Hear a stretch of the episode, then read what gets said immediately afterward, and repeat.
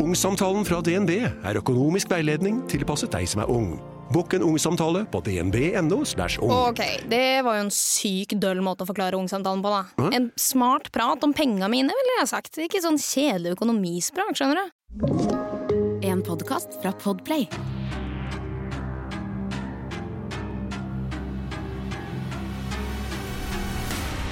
Hei og velkommen til Forsyningsfredag podcast. Denne episoden kan være veldig skremmende for enkelte lyttere, så om du er yngre eller sensitiv, så vil jeg anbefale deg å lytte til episoden med en voksen du stoler på, eller skru av. I denne ukens Forsvinningsfredag-episode skal jeg ta for meg en sak som så altfor lett kunne vært unngått, og jeg tror faktisk ingen av dere tror på meg engang hvis jeg sier at dette er et drap som skjedde pga. et par leggings. Dette er en sak som fikk veldig mye lokal medieoppmerksomhet i eh, sin tid, men jeg har personlig ikke hørt om den saken her før nå nylig, og saken er på mange måter helt grusom og også sinnssykt brutal. Derfor så vil jeg bare si vær så snill ta den advarselen i begynnelsen av episoden på alvor. Jeg er nødt til å gi dere litt bakhistorie på de involverte partene, så vi kan starte med Britney Norwood. Dessverre så er det litt lite informasjon å finne der ute om Britneys oppvekst, familietre og den slags, men det er derimot veldig mye informasjon om tiden rett før drapet skjedde. Britney ble født en eller annen gang i 1982, som gjør at hun var 28 år på tidspunktet av drapet. Tidligere var Britney kjent for å være en utrolig dyktig fotballspiller, og fikk faktisk noen priser for det også. Rachel Roderick, som da var en tidligere lagkamerat, vil beskrive Britney på følgende måte. Vi var veldig gode venner, men da hun begynte å spille på et annet lag, mista vi kontakten. Hun var en utrolig snill og morsom jente, og en skikkelig god fotballspiller. På det nye laget hun da begynte på, nemlig hos Stony Brook University, så ble hun også kåra til den beste forsvarsspilleren i en sesong. I 2001 fikk hun enda flere utmerkelser, og til slutt endte det opp med at hun fikk en plass på Adidas All North Region Team i 2002. Treneren hennes på den tiden her har sagt at Britney hadde et vanvittig konkurranseinstinkt, og at hun hata å tape mer enn hun elska å vinne. På den andre siden så husker flere på begge lagene hun spilte på, at Britney ikke bare var snill og god. Noen tidligere lagkamerater hadde beskrevet henne som både en løgner og en tyv, og faktisk hadde det blitt så ille at når det begynte noen nye på laget, så fikk de nesten umiddelbart beskjed om at de måtte passe på tinga sine og huske å låse skapet sitt, fordi Britney var kjent for å stjele ting. En annen jente som gikk på videregående med Britney, har i etterkant fortalt at de på videregående var bestevenner, men at de sklidde fra hverandre pga. stjelingen Britney holdt på med. Det blir åpenbart at ikke alle har en positiv historie å fortelle om denne jenta, og det skal også følge henne inn i livet som ung voksen. Britney blir etter hvert ansatt på Lululemon, og kjapt forklart for dere som ikke vet hva slags butikk det her er, så er det en sportsbutikk som selger typisk sånn high end treningstøy, og som er blitt veldig, veldig populært i USA, spesielt blant de litt yngre.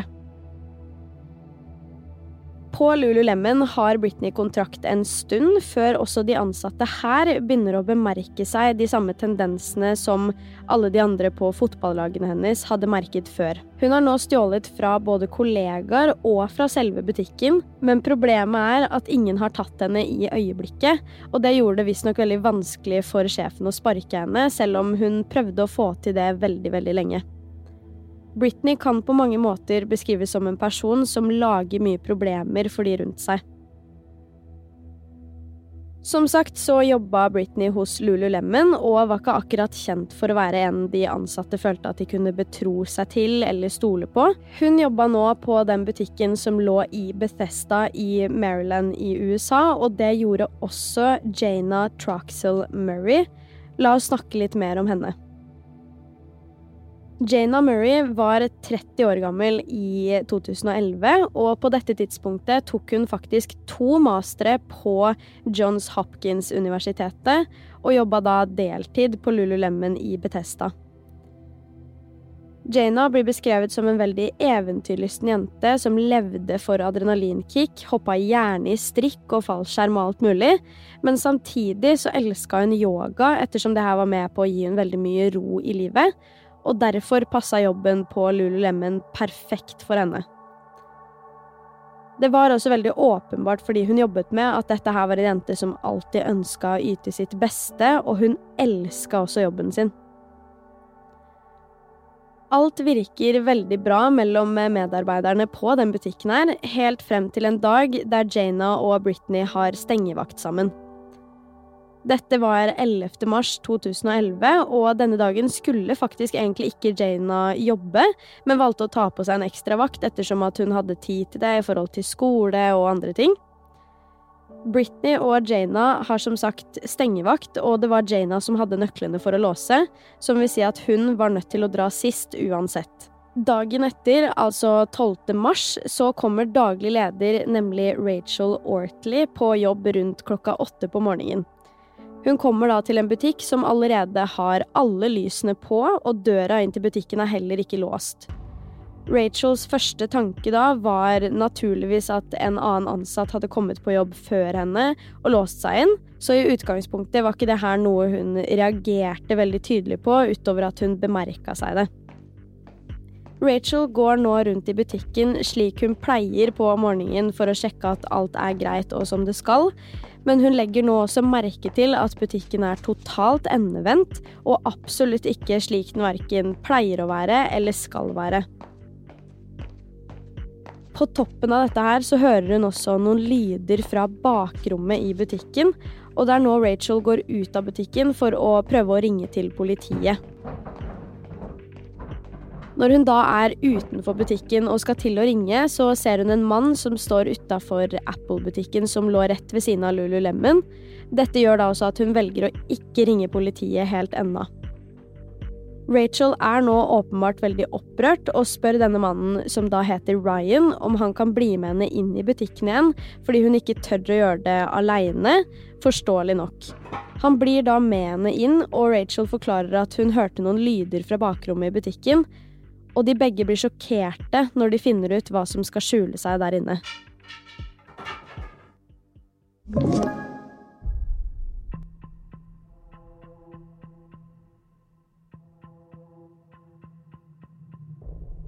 Rachel og Ryan beveger seg nå inn på bakrommet, og det er nå de ser en person liggende med fjeset ned mot gulvet.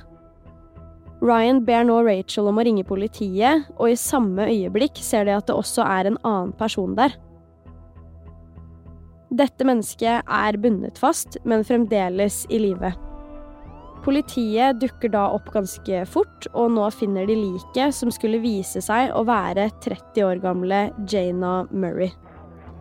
Den andre personen som var bundet fast, men fremdeles i live, skulle vise seg å være 28 år gamle Britney Norwood, men hva er det som har skjedd her? Britney blir umiddelbart tatt med til sykehuset for å sjekkes, ettersom at hun hadde veldig tydelige skader på kroppen.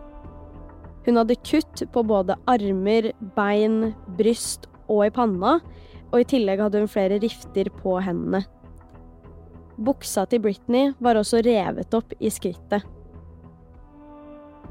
På sykehuset tar politiet en prat med Britney, for åpenbart er hun jo et potensielt vitne til noe kriminelt, så det er jo helt naturlig at de ønsket å ta en prat med henne først. Hun forteller dem at hun og Jana hadde jobba sammen kvelden før, låste kvart på ti på kvelden som de skulle, og gikk deretter hvert til sitt.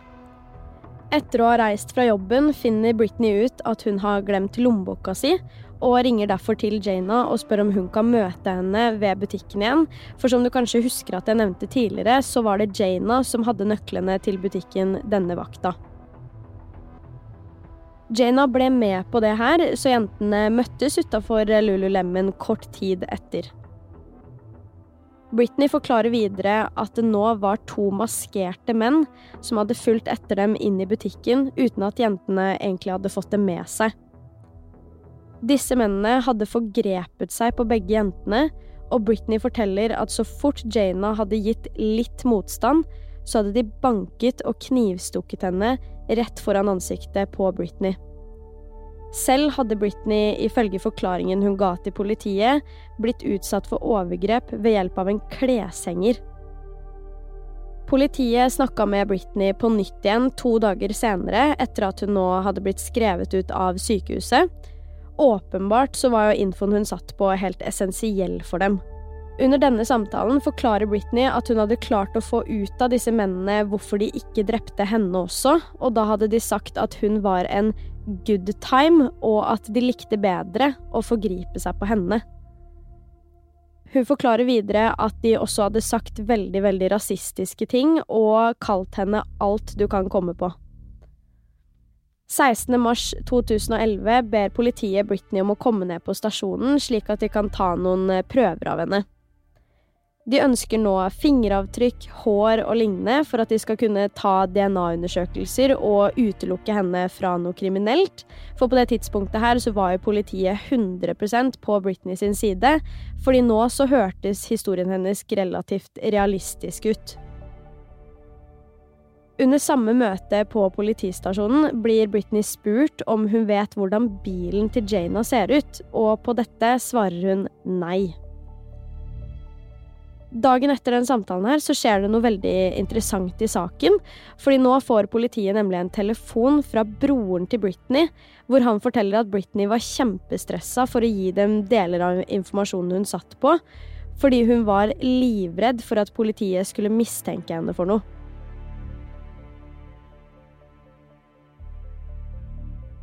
Da Britney sa at hun ikke visste hvordan bilen til Jana så ut, hadde hun nemlig løyet, og ifølge broren så var sannheten at eh, Britney hadde blitt tvunget av disse to maskerte mennene til å flytte bilen til Jana.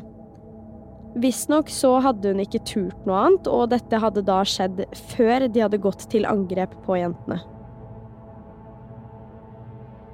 Det er jo nå historien til Britney begynner å falle sammen gradvis, spesielt pga. dette her med bilen, fordi det er jo en helt unødvendig ting å ikke opplyse politiet om.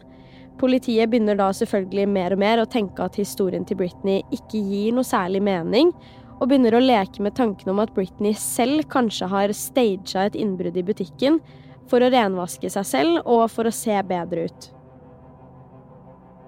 Politiet stiller nå store spørsmålstegn til Britney, og de legger nå frem muligheten om at hun kanskje selv har tatt livet av medarbeideren sin og påført seg selv skadene hun hadde, slik at hun også så ut som et offer i situasjonen. Men hvorfor skulle hun gjort det? Konklusjonen i saken etter at politiet har snakka med andre ansatte, sjefen til Britney og lignende, er at Jana aldri var et personlig offer.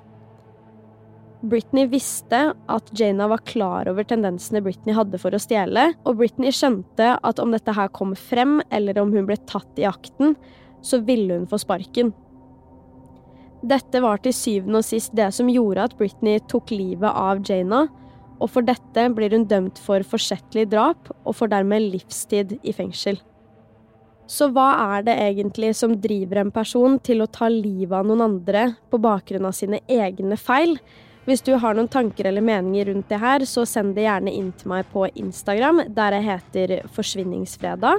Og dersom du har noen tanker eller meninger rundt dette her, så send det veldig gjerne inn til meg på Instagram. Der heter jeg Forsvinningsfredag.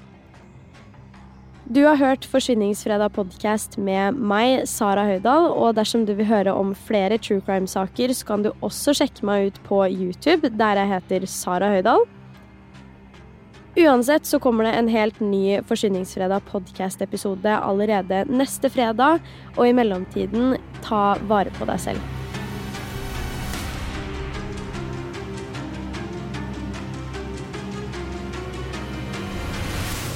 Du har hørt en podkast fra Podplay. En enklere måte å høre podkast på. Last ned appen Podplay, eller se podplay.no.